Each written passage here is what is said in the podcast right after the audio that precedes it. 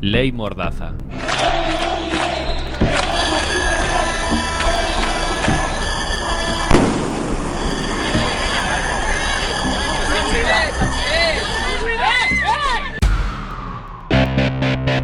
La ley Mordaza, de protección de la seguridad ciudadana, legaliza las listas negras de infractores, manifestantes, activistas, prensa alternativa, todos fichados como antes, pero ahora es por ley.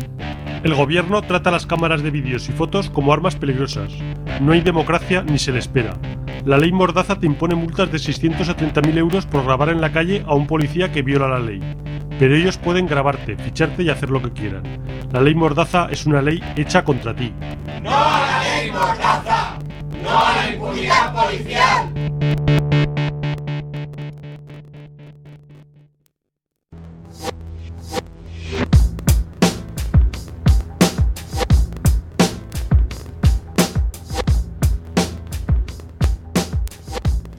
Ángeles Alvariño González foi unha científica galega de carreira e fama internacional que destacou especialmente como investigadora no ámbito da oceanografía e que naceu en Ferrol no ano 1916 e finou en California no 2005 cando tiña 89 anos é famosa sobre todo polas súas numerosas e fructíferas investigacións sobre o zooplacto mariño, xa que chegou a descubrir nada menos que 22 novas especies de organismos mariños.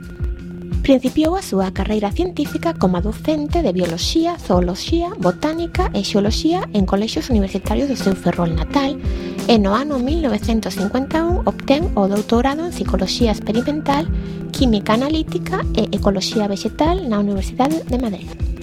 Logo exerceu de bióloga mariño oceanógrafo no Instituto Español de Oceanografía, participando en numerosas expedicións e cruceiros científicos do Atlántico e Pacífico. No ano 1967 doutorase en Ciencias cunha tese sobre os ketornatos do Atlántico e pronto é requerida polas máis prestixiosas institucións de oceanografía para investigar sobre o placto, as correntes, a dinámica oceánica, a albacora e outros peixes e tamén sobre o efecto dos depredadores do placto na supervivencia das larvas dos peixes. Consegue importantes subvencións de prestixiosos organismos internacionais e traballará no Reino Unido primeiro e logo nos Estados Unidos, obtendo a ciudadanía norteamericana. E nos Estados Unidos foi tamén onde se xubilou aló polo ano 1987, aínda que nunca chegou a retirarse de toda a ciencia, xa que pasou a categoría de científica emérita, podendo así continuar coas súas interesantes investigacións científicas.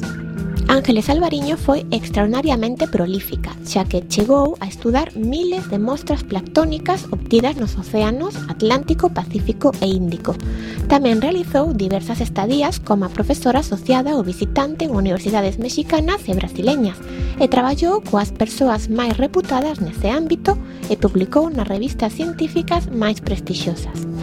Atribúaselle a Ángeles Alvariño o mérito de ser a primeira científica que traballou a bordo de buques de exploración británicos todo ese esforzo e traballo en prol da ciencia levouna a recibir múltiples nomeamentos académicos de moitas universidades de todo o mundo e a acadar merecidísimos recoñecementos internacionais, xa que Ángeles Alvariño é considerada como unha autoridade mundial no estudo dos organismos mariños, moi especializada en determinados tipos de zooplancton. E aquí, na súa terra, foi distinguida coa Medalla de Prata de Galicia no ano 1993 e eh, a Universidade da Coruña adicoulle a Semana das Ciencias en 2005. No ano 2015, xusto 10 anos despois do seu pasamento, será a primeira muller homenaxeada no Día da Ciencia en Galicia. E salientar tamén que no ano 2012 o Instituto Español de Oceanografía construiu un novo buque oceanográfico ao que se lle puxo como nome Ángeles Alvariño en honra desta afamada oceanógrafa galega.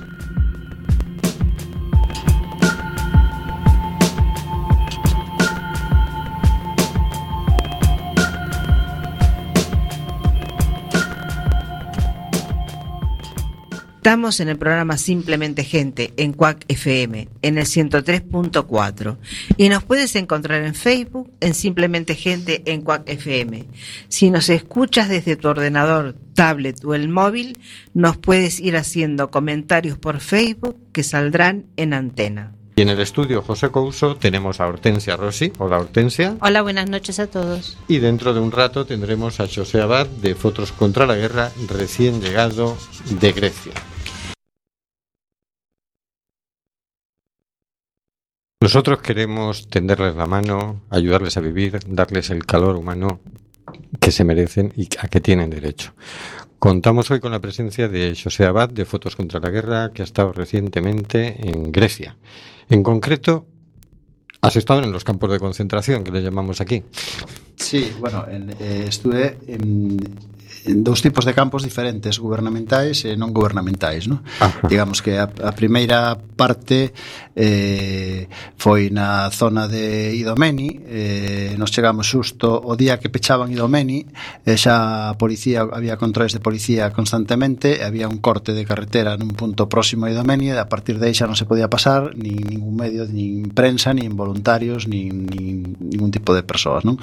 Salvo algunha ONG concreta que tiña eh, eh, algunha actividade permitida, digamos, eh, nese, nese intre, non? Uh -huh. Eh, bueno, pois eh, digamos que eu fun testigo de, dese desaloxo mm, vendo pasar os camións e vendo as actuacións da policía vendo pasar os autobuses cos refuxados e ali pois estábamos un, un grupo de xente eh, moita xente de medios de comunicación había tamén algún voluntario eh, fotógrafos, eh, payasos que estaban esperando que chegaran os, os autobús para facerlles unha despedida ás persoas refuxadas, eh, bueno, pois tratar de alegrar um, algo ese intre pois máis ben tráxico, non? E, bueno, unha vez eh, pasado ese día, que houve tamén un corte de carretera, unha concentración, houve intervención policial, eh, había moitos voluntarios mm, manifestando o, o seu rechazo a, a, ao desaloxo de Idomeni, mm, eh, bueno, e posteriormente a eso pois pues, puden estar nos campos de, de do Hotel Jara de BP, que é unha soliñeira, onde estaban ali acampados. O Hotel Jara é un, o, unha, bueno, un espazo que hai eh, que pertence a ese hotel, que se chama Hotel Jara, eh, e tamén eh, noutra gasoliñeira que se coñece como Eco, non? É unha cadena de, de gasolineiras griegas que, que deixaron ese o bueno, alugaron ese ese espazo para que as, os refugiados puidesen estar ali eh, acampados, non? Y estuviste en ese en esa especie de campo, ¿no? Sí, sí, estuve en esos, en esos campos. ¿Estaba ya ordenado por, por el ejército griego? No, ese, esa, ese, esos tres campos, concretamente de BP, Jara e Eco, eh, eran non gubernamentais, é dicir, eran tendas de campaña como as que utilizamos para ir de acampada eh, normalmente, eh, unhas condicións bueno, bastante lamentables para a xente porque sufrían pois bueno, frío, calor, o que fixera non? Eh, condicións moi malas para os nenos eh, moitas moscas eh, bueno, unhas condicións que non que, que, que valen para pasar un fin de semana ou 15 días, pero que non sirven para, para ter unha presencia de meses como levan ali eh, toda esta xente non? Eh, En, entiendo que esto ha sido como como la voluntad de, de, la gente de allí, en el caso de la gente de las gasolineras, de que esta gente tenga un sitio, aunque sea por poco tiempo para establecer ahí, ¿no? Bueno, por, por la información que puiden recabar ali, eh, es, ese, ese campo concretamente, sí. eh, e o Hotel Jara tamén, eh, foron alugados por, por algunha organización grande, ¿no? Médicos, médicos, sin fronteras, médicos sin fronteras, concretamente, pois fixeron o aluguer, chegaron a un acordo con coa xente da gasoliñeira e coa xente mm. do hotel eh, para alugar ese Como unha solución espazo, aí sí. media momentánea para, para... In, incluso como iba a dificultar o acceso a, ao público xeral, digamos que o que fixeron foi pois eh, bueno, alugar as, todas as habitacións do hotel claro. estaban eh, pagadas por, por Médicos pa, Sin Fronteras, non? Vale. Neste caso. Uh -huh. Iso siguen funcionando ahora mismo. Sí, sí, de feito, eh, por exemplo, na gasoliñeira tiña moita gracia porque estaba todo cheo de tendas e de refuxados de, to, de, de, de, de, moitas partes e a xente iba a botar gasoliña con normalidade, digamos, claro. non a, a gasoliñeira. Xa. Eh, sí, es una cosa que entiendo también que es una experiencia que, que hay que verlo, ¿no? Tú lo transmites muy bien y aparte sabemos perfectamente que que lo transmites de forma gráfica con, con, la fotografía, pero es que uno no se puede ni imaginar realmente lo que está sucediendo allí. Bueno, as imaxes que, que vimos por, por los medios de comunicación, por la televisión, cando estaba de cando estaba de moda, digamos, o tema refugiados, sí, porque, porque xa pasou de moda, un ¿eh? silencio sí. eh, absoluto, non? Digamos que eran tan contundentes que non podías quedar indiferente, non? Sí. Esa era a realidade, xa as imaxes eran fortísimas. Sí. Estar en directo, como todo que sucede en directo, sí Mm, ten moitísima máis intensidade porque realmente percibes Mm, as sensacións eh, no te, na túa pel, non? Eh, mm. Eso é, eh, moitísimo máis intenso. Eh, a percepción mm, que temos a veces de irrealidade das cousas, porque confundimos o drama real co drama seguinte dunha película de acción xa. ou mm, está todo moi eh, moi moi mezclado e logo hai eh, unha información, bueno, información sería moito decir, eh bastante tendenciosa non? Nas grandes, nos grandes medios de comunicación. Ainda así, gracias ao traballo de, de cámaras e de fotógrafos e de periodistas, eso eh, chegou a primeiro plano. O sea, o sea era, era inevitable. Había eh, tal cantidad de imaxes e todas tan fortes que era imposible non facer deso noticia. Non? Eh, bueno, afortunadamente eso moveu unha reacción ciudadana, en, eu diría que en toda Europa, eh, pois moi forte. Sí, yo no sé, yo pienso que después de la Segunda Guerra Mundial eh, ha de ser la crisis humanitaria más grande que hemos tenido. Pues efectivamente, así es. ¿Has tenido acceso a un campo gubernamental? Sí, eh, unha vez que, bueno, ese campo, teño que decir que eh, estaba sostido gracias ao traballo dos, dos voluntarios e das voluntarias, non? Fundamentalmente, é dicir, aí estaban eh, eh, gra grandes ONGs, non? Como por exemplo, por exemplo, pois eh, Médicos en Fronteras, Médicos en Fronteras, Médicos do Mundo, eh, moitas eh, ONGs de de bombeiros de diferentes lugares, de Navarra, de, bueno, de, sí. de, de León, de Cataluña, de moitos sitios, eh, moitísima xente traballando independente, eh, e gracias a eso, eh, aquelo tiña mm, algo de habitabilidade, non, digamos, claro. e a xente podía ter pois acceso a alimentos, acceso a verduras, acceso a, a sanidade, acceso a unha serie de cousas elementais que, que é tremendo que teña que ser a xente eh, a que mova eso e, e non eh, as grandes os grandes estamentos como a Unión Europea, non? É dicir, a Unión Europea é que, que, que constitucionalmente estaría obrigada por lei mm. a atender a, as persoas refugiadas, non? Claro, é Pero... su, su obligación. Has podido hablar con Os refugiados. Sí, bueno, eh, claro, eu eh, o, o que eu pretendía facer ali era eh, facer retratos de familias mm, para mostrar o, o que son, ¿no? é dicir, para combatir esa idea de que a ver si son terroristas, a ver si veñen a quitarnos os postos de traballo, a ver si veñen, a ver si veñen, a ver si nos invaden, a ver a ver que pasa, ¿no? Eu quería ter ese, ese documento de primeira man ver quen, que, que, que, que tipo de xente é a que estaba nos campos refuxada e así foi, non? E gracias a ese traballo, pois tiña que acceder á súa historia, é dicir, eles me recibían na súa jaima, as jaimas, bueno, chamábamos jaimas, eh, en, algún, en, en algún caso eran jaimas, no outro caso eran tendas, eh, te recibían na súa tenda, eh, te contaban a súa historia con absoluta amabilidade, incluso ofrecéndote o pouco que tiñan, pois un té ou unha fruta ou algo, sempre algo Eh, eh, decir, a hospitalidad eh, muy grande, ¿no?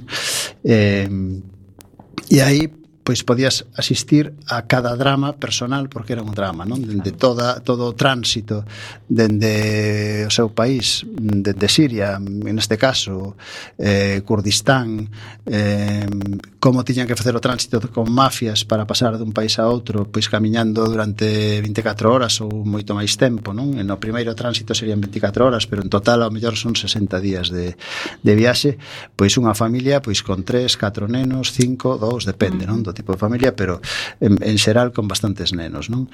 Eh, pagando moitísima pasta, porque claro, había que pasar de Siria, por, por exemplo, no caso dos curdos, que tiñan que atravesar polo Kurdistán sirio, polo Kurdistán eh, iraquí, eh, posteriormente a Turquía, tiñan que ir pagando en cada tramo as mafias eh, pois 1.500 eh, euros eh, ao mellor, por persoa, ao mellor os nenos. O sea que hai muchísima gente que se está lucrando e se está ah, enriqueciendo. Ah, eh, efect efectivamente. Unha vez que pasaban a Irak, por exemplo, tiñan que facer outro tránsito camiñando por montañas eh, a, eh, ou polo deserto para pasar a, a Turquía de, según o caso, non digo montaña ou deserto, según a situ o, o punto no que estaban, eh, eh, volver a pagar outra vez a, as mafias, unhas cantidades por, irregulares, pero eh, xeralmente eran sobre 1.500 euros persoa e a mellor 800 os nenos, eh, variaba un pouco non as cantidades.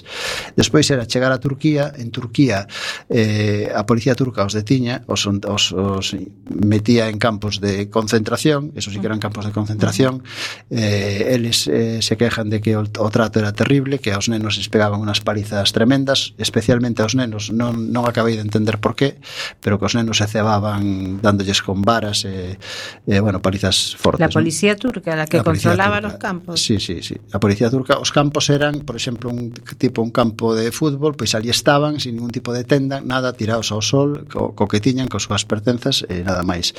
E logo a veces os metían nunha, nunha especie de de pabellón donde estaban todos metidos aí sin ningún tipo de intimidade, todos xuntos, nenos, eh, ancianos, maiores, enfermos, sanos, todos aí sin sin te, eh, teño fotos deso que me pasaron eles, non? Que a Turquía que, es que a Unión Europea que, le dá dinero para que Tur exactamente para desfacerse ah, do problema esa... eh, e que Turquía faga o que lle pareza. Uh -huh. A policía o que facía eh, sistemáticamente era tratar de sacarlle esos cartos que levaban, pois ahora hai que cubrir un papel, ahora hai que facer este, hai que facer outro, paga, paga, paga, paga, e cando os tiñan vaciados, pois digamos, os, os botaban dali, pois podían ser 15 días ou 20 días, depende do, depende do caso, eh, e logo pois a pagar a mafia para eh, tratar de chegar a, a Grecia, neste caso a Europa, non?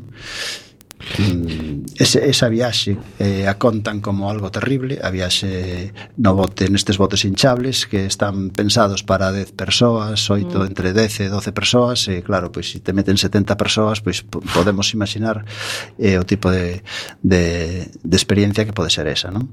é dicir, as barcas semi hundidas achicando constantemente e cando había relatan con horror cando había tormenta ou cando había mala mar, pois ventos terribles, rayos, olas, eh, un frío, en fin, unha, unha viaxe que, que de verdade mm, hai que vivila, sí. hai que vivila porque non non se transmite o que o que eso mm, contando, non? Eh, has podido hablar con gente que ya llevará meses allí? Sí, sí, sí, sí.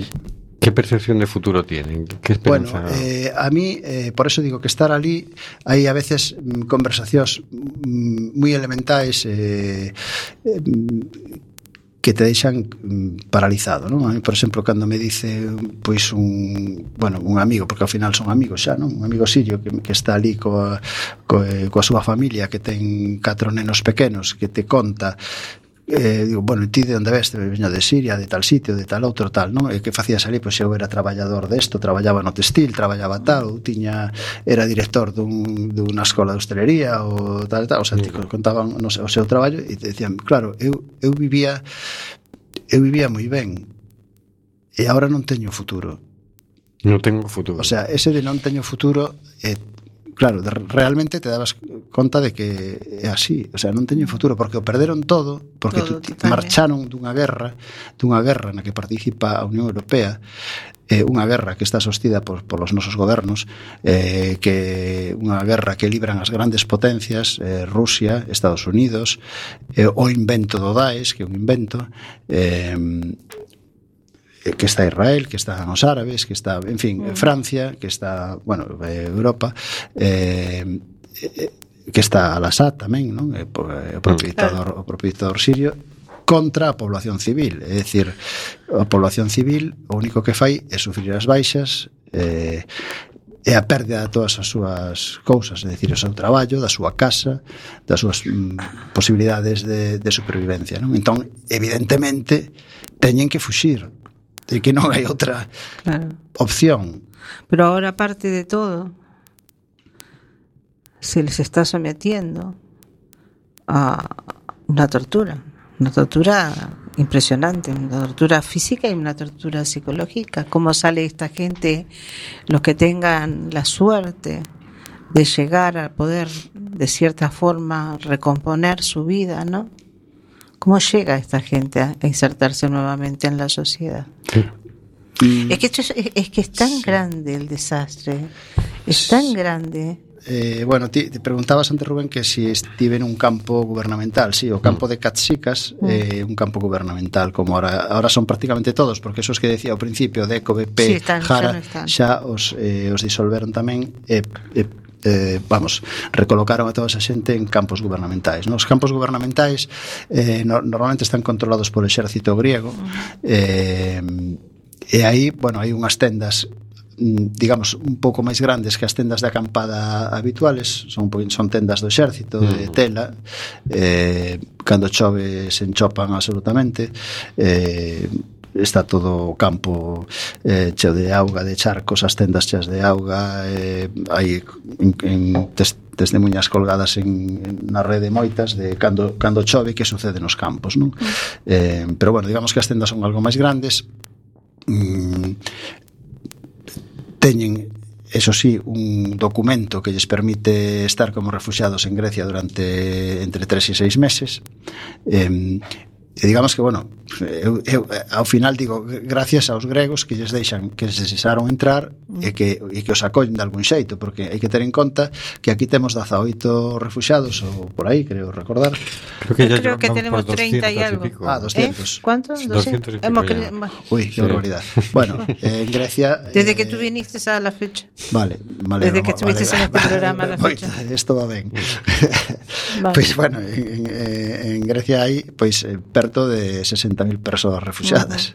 O sea, Sí, sí, sí, que, o sea, é desproporcionado, é dicir, incluso como propia Unión Europea é unha vergoña, porque coño, non lle cargues todo o paquete a Grecia, que xa bastante teñen problema, é dicir, hai que habría que claro. compartir solidariamente con Grecia ese esa ese, esa cuestión, non xa non falo de de humanidade, sino simplemente de de un socio da Unión Europea eh que ten que eh, soportar toda esa carga, non? porque, bueno, é unha carga, evidentemente, unha carga política, é unha carga humanitaria, é unha carga económica tamén, non? Porque, bueno, o exército pois es dá unhas racións que de verdade eh, hai que velas porque eso non se lle dá a ninguén o sea, lles dan un, un, unha, un pequeno cacharriño de plástico eh, con un fil por riba que que ten unha pequena ración que eu, por exemplo, o día que entrei nunha da, con, con, a falar cunha das familias, a tiñan ali, decía, mira, eso é o que nos dan, non o vamos a comer. Eu mirei, eran unhas patatas secas e, e pobres e nada máis, o sea, unha vez ao día. O sea, que dieta é esa para unha persoa?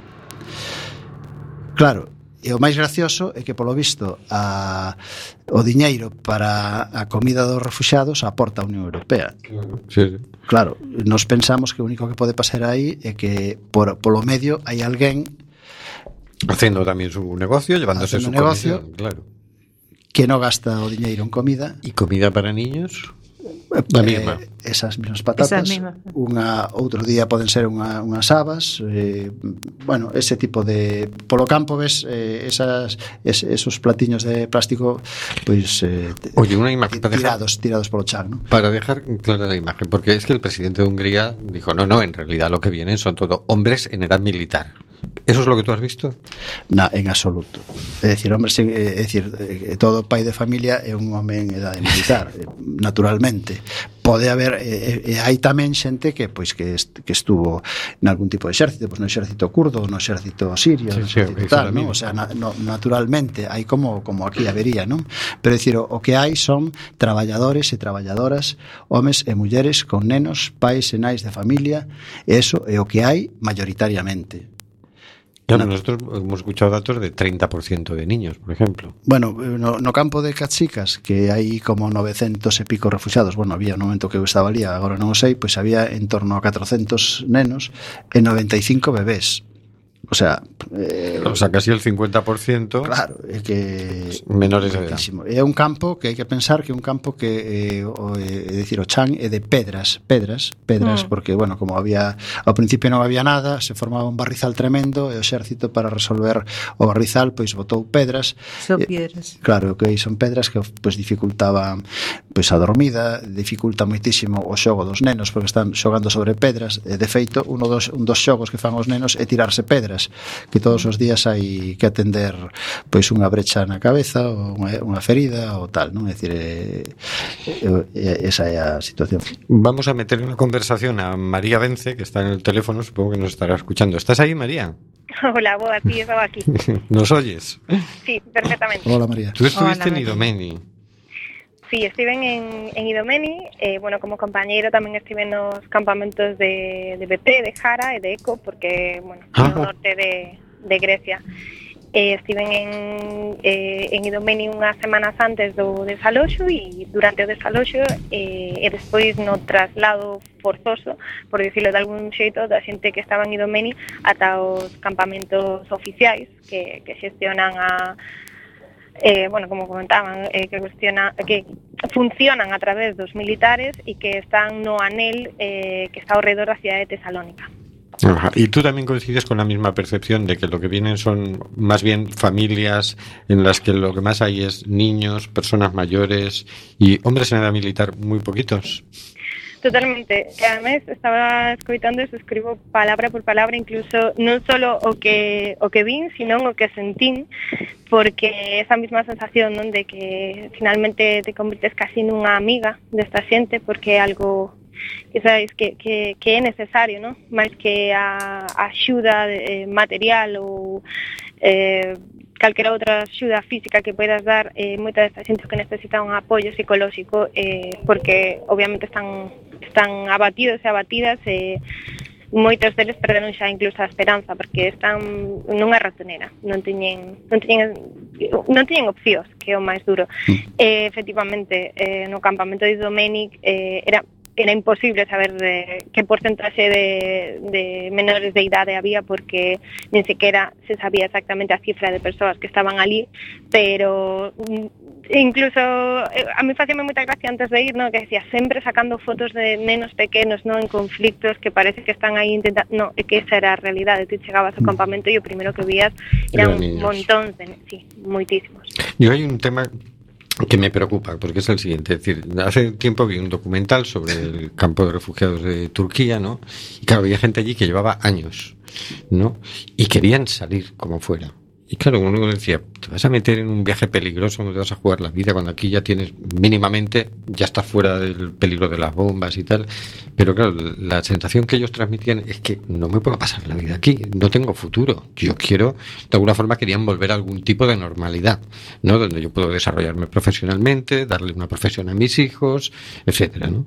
Cuando vi en todo el tema de Idomeni, que era estaban enfrente de la frontera de Macedonia, mm, convencidos de que en algún momento Macedonia dejaría que se colaran, y desde aquí los mirábamos y decíamos, si no os van a dejar pasar, ni de broma. Y, y eh, me resultaba difícil, pero dices, claro, era su futuro. Era o eso o, o nada. Y dices, claro, ahora se han quedado en el nada, ¿no? Por eso me preocupa la, ya no solo la situación física que viven, que me parece mm, de lo peor que se les tenga en esas condiciones. Pero es que la psicológica, es decir, si yo empiezo a quedarme sin futuro, ¿qué terminaré haciendo? Sí, pasada viaje a pasada a viaxe se chegas vivo a, a Europa. A Europa, claro. Exactamente. Eh, o problema eh, empeza aí, non? É dicir, efectivamente o que estás o que estás contando, o sea, canto tempo pode pasar unha familia nun campo sin expectativas de nada, sin que pase ni, ni tan siquiera unha organización internacional como ACNUR a informar a tomar lista da xente que está ali, a decir, bueno, iniciamos os trámites para eh, acollelos como refugiados ou se si teñen familia en Alemania como era o caso de moitos en Holanda ou outros sitios ou casi todos en, bueno, pois en Alemania e en Holanda eh, va, iniciamos o trámite de o acollemento familiar nin apareceron polo campo no tempo que eu estive. Había unha, unha reclamación constante por parte das voluntarias que levaban ao campo e os voluntarios uh -huh. e, e por parte da, da xente que estaba refuxada de que por favor pasasen a informar e a, e a cubrir como podían claro. cubrir os papeles Porque para... Porque é que tiene que estar aí Efectivamente. Presente. Entón eu nunha, nunha das, dos momentos que estive nunha, con unha familia, unha familia de Palmira e aí impresionoume moito, non? Porque eu non son un tipo de chorar fácil, eh? eh Xa. Eh, bueno, sempre teño o escudo da cámara que me protexe moito, non? Crea unha certa distancia que, que bueno, pois pues, eh, ás veces te protexe, non? Xa. Pero eu estaba na, na tenda eh, un home forte. Eh, con que tiña un fillo ali e eh, outros que estaban xa que outros un par deles que estaban en Alemania estaba a súa muller estaban estaba un, un dos fillos decía eh, el era director de, eh, en Palmira perdón, en Damasco de un, de un mm, centro de hostelería tiña un bon nivel de vida a muller era profesora da universidade eh, tiña un, incluso unha casa con tres plantas aire acondicionado quero dicir que tiña un bon nivel de vida. E eh, cando estaba contando isto Dice, eh, claro, o, o perdimos todo, bombardearon a casa, nos quedamos sin nada. Eh, eh, nos vivíamos no paraíso e agora non temos nada. E rompe a chorar el, rompe a chorar a, a, súa, a súa muller rompe a chorar o neno e rompe a chorar eu tamén. É dicir, eh, o sea, ese, ese momento dramático é imposible eh, non, non compartilo porque te arrastra non? é dicir, esa é a situación. Bueno, esa familia, cando estaban bueno, efectivamente querían ver a posibilidade de xuntarse co seu fillo que estaba en Alemania eh, e querían saber como podían facer eso non? como non hai resposta porque a, a estrategia da Unión Europea é de deixalos esmorecer ali, deixalos que se agoten e que, e que eles decidan regresar a Siria ou que fagan o que queiran, pero que marchen de ali, non, es van, non, non lles van a dar ningún tipo de asistencia, eso eu, para mí quedou claro, uh -huh. nin os van a recolocar, salvo 4 ou 5 en, en momentos electorais para decir, ah, mira que, que non somos tan, tan, tan crueles. Non? Esa familia, eh, cando eu marchei de ali, por lo que me contaron agora, mm, trataron, marcharon do, do campo de Cachicas, eh, uh -huh. trataron de cruzar Albania pola frontera albanesa. A policía albanesa os, os colle, os, os fai unha, unha entrega en, en quente, e os, os reintegra a Grecia, Grecia os colle a policía griega, os manda outras para casicas. E outra vez marchaban para tratar de pasar pola frontera de Macedonia. É dicir, a súa, o seu, a súa perspectiva de vida é tratar de atravesar unha fronteira hacia, mm. hacia, hacia o norte, porque para tratar de, de chegar coa súa familia, non? Esa, ese é o drama diario de toda esa xente. E, e moitos decían, eu vou a regresar a Siria, porque prefiro morrer ali dunha vez que estar aquí agonizando, claro. é sin futuro, non? Esa é era unha frase que repetían continuamente.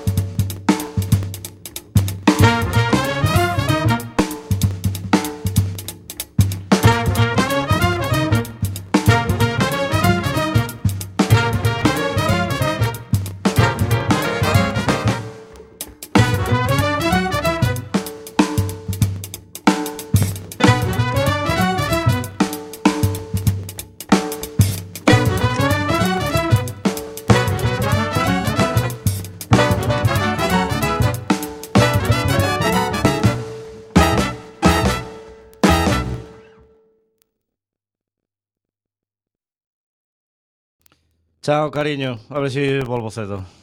E logo se non tiñades inventario. Non, xa rematamos onte. Ai, pois igual podíamos ir á praia. Mm, vale, chámate cando vai a sair. Vale. A porta pechouse e Gonzalo Domínguez, encargado de almacén dunha droguería e residente na rúa Monasterio de Cabeiro, comezou a baixar os catro pisos da súa casa, facendo plans cara á tarde. Botou a man ao peto para confirmar que collera o móvil O teléfono estaba, pero... Merda, as chaves. Virou en redondo, consolándose de que, polo menos, non se decatara no portal. Chamou a porta mentre revisaba, por última vez, os petos do pantalón. Hola, cariño, esquecimas... Pero, pero, quen é vostede? A porta non a abrir a Raquel, senón un tipo alto e con bigote. De, perdón, eh, debín subir un, un piso de máis. Ah, viña vostede o terceiro. Como? No, non, eu, eh, eu eh, vou ao cuarto. Pero este, o- este é o cuarto. Que desexa? Como carallo vai ser o cuarto? Eu vivo no cuarto. Onde está Raquel? O tipo alto con bigote tentou pechar a porta, o que enfureceu a Gonzalo. Deulle un forte empurrón á porta que mandou contra a parede o larguilucho e ficou abraiado.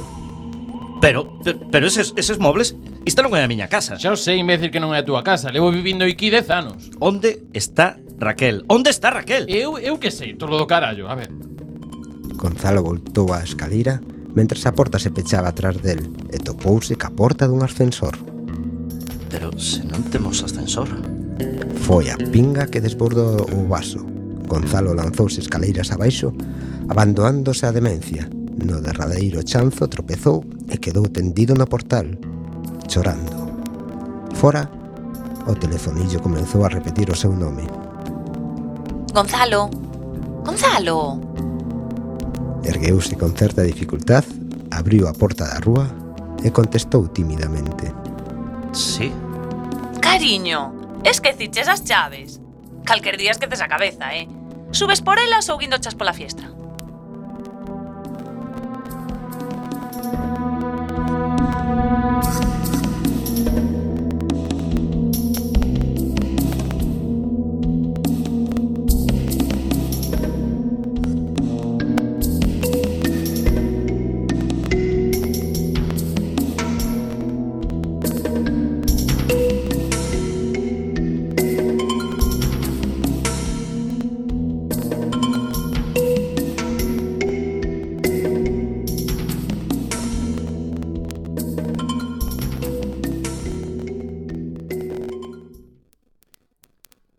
Soy Rantanplan, el perro de Lucky Luke, y también escucho Quack FM.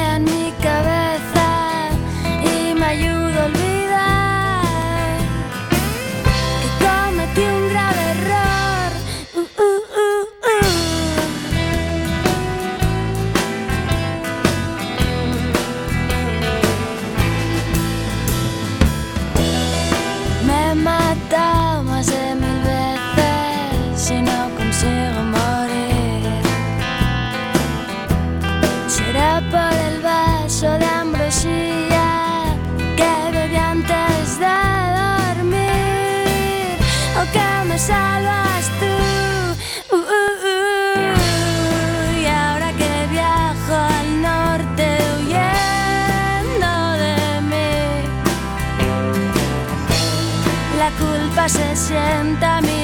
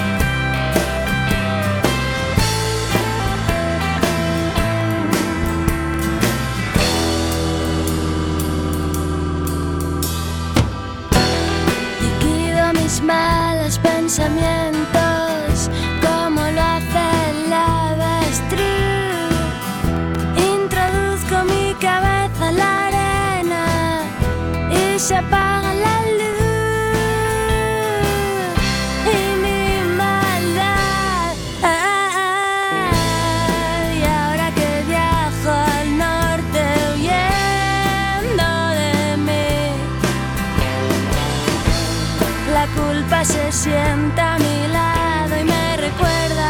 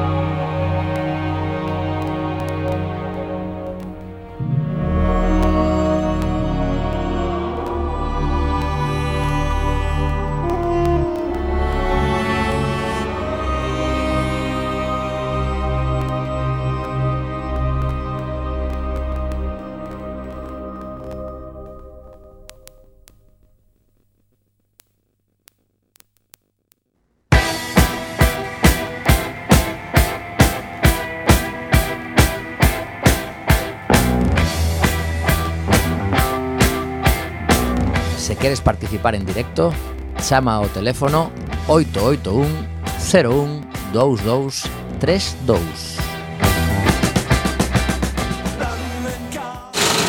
En Quack FM, cachos de pelis.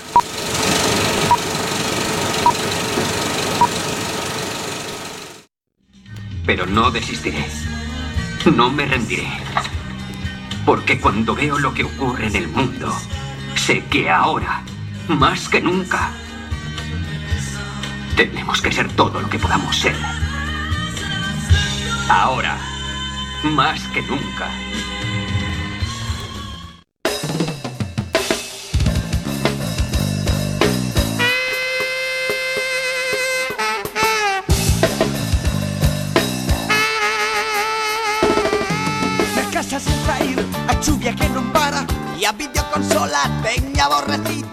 y enganchada con telenovela venezolana. Y a videoconsola tenme, tenga repunato. Super Mario, vaya palmo, no haga a telebosta. No se echas pipiola,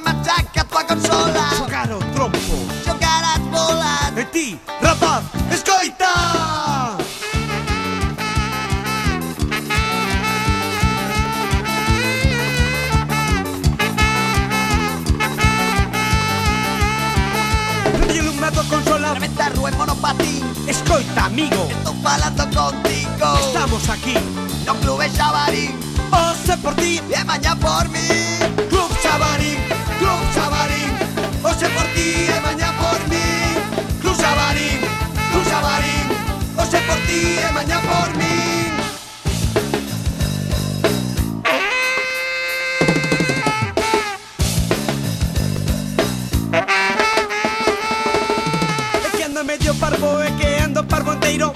vivendo na veciña do quinto piso esquerda. Chamaban esiña mis terceiro de SB Chégate, Vanessa, picha clube xabarín Os tres no sofá, dimeis eu, e a tu vega?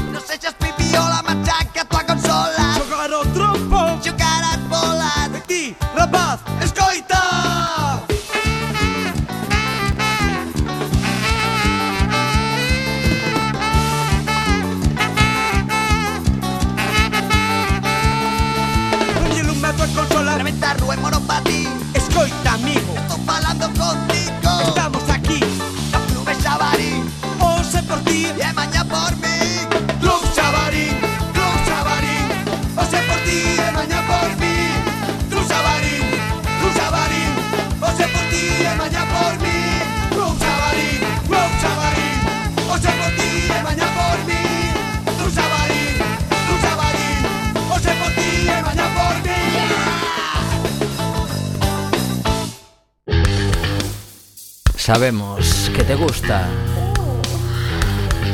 Sabemos que lo estás deseando. Es un magnetismo irrefrenable. Ven a Quack FM y haz tu programa. Ven a Quack FM y habla.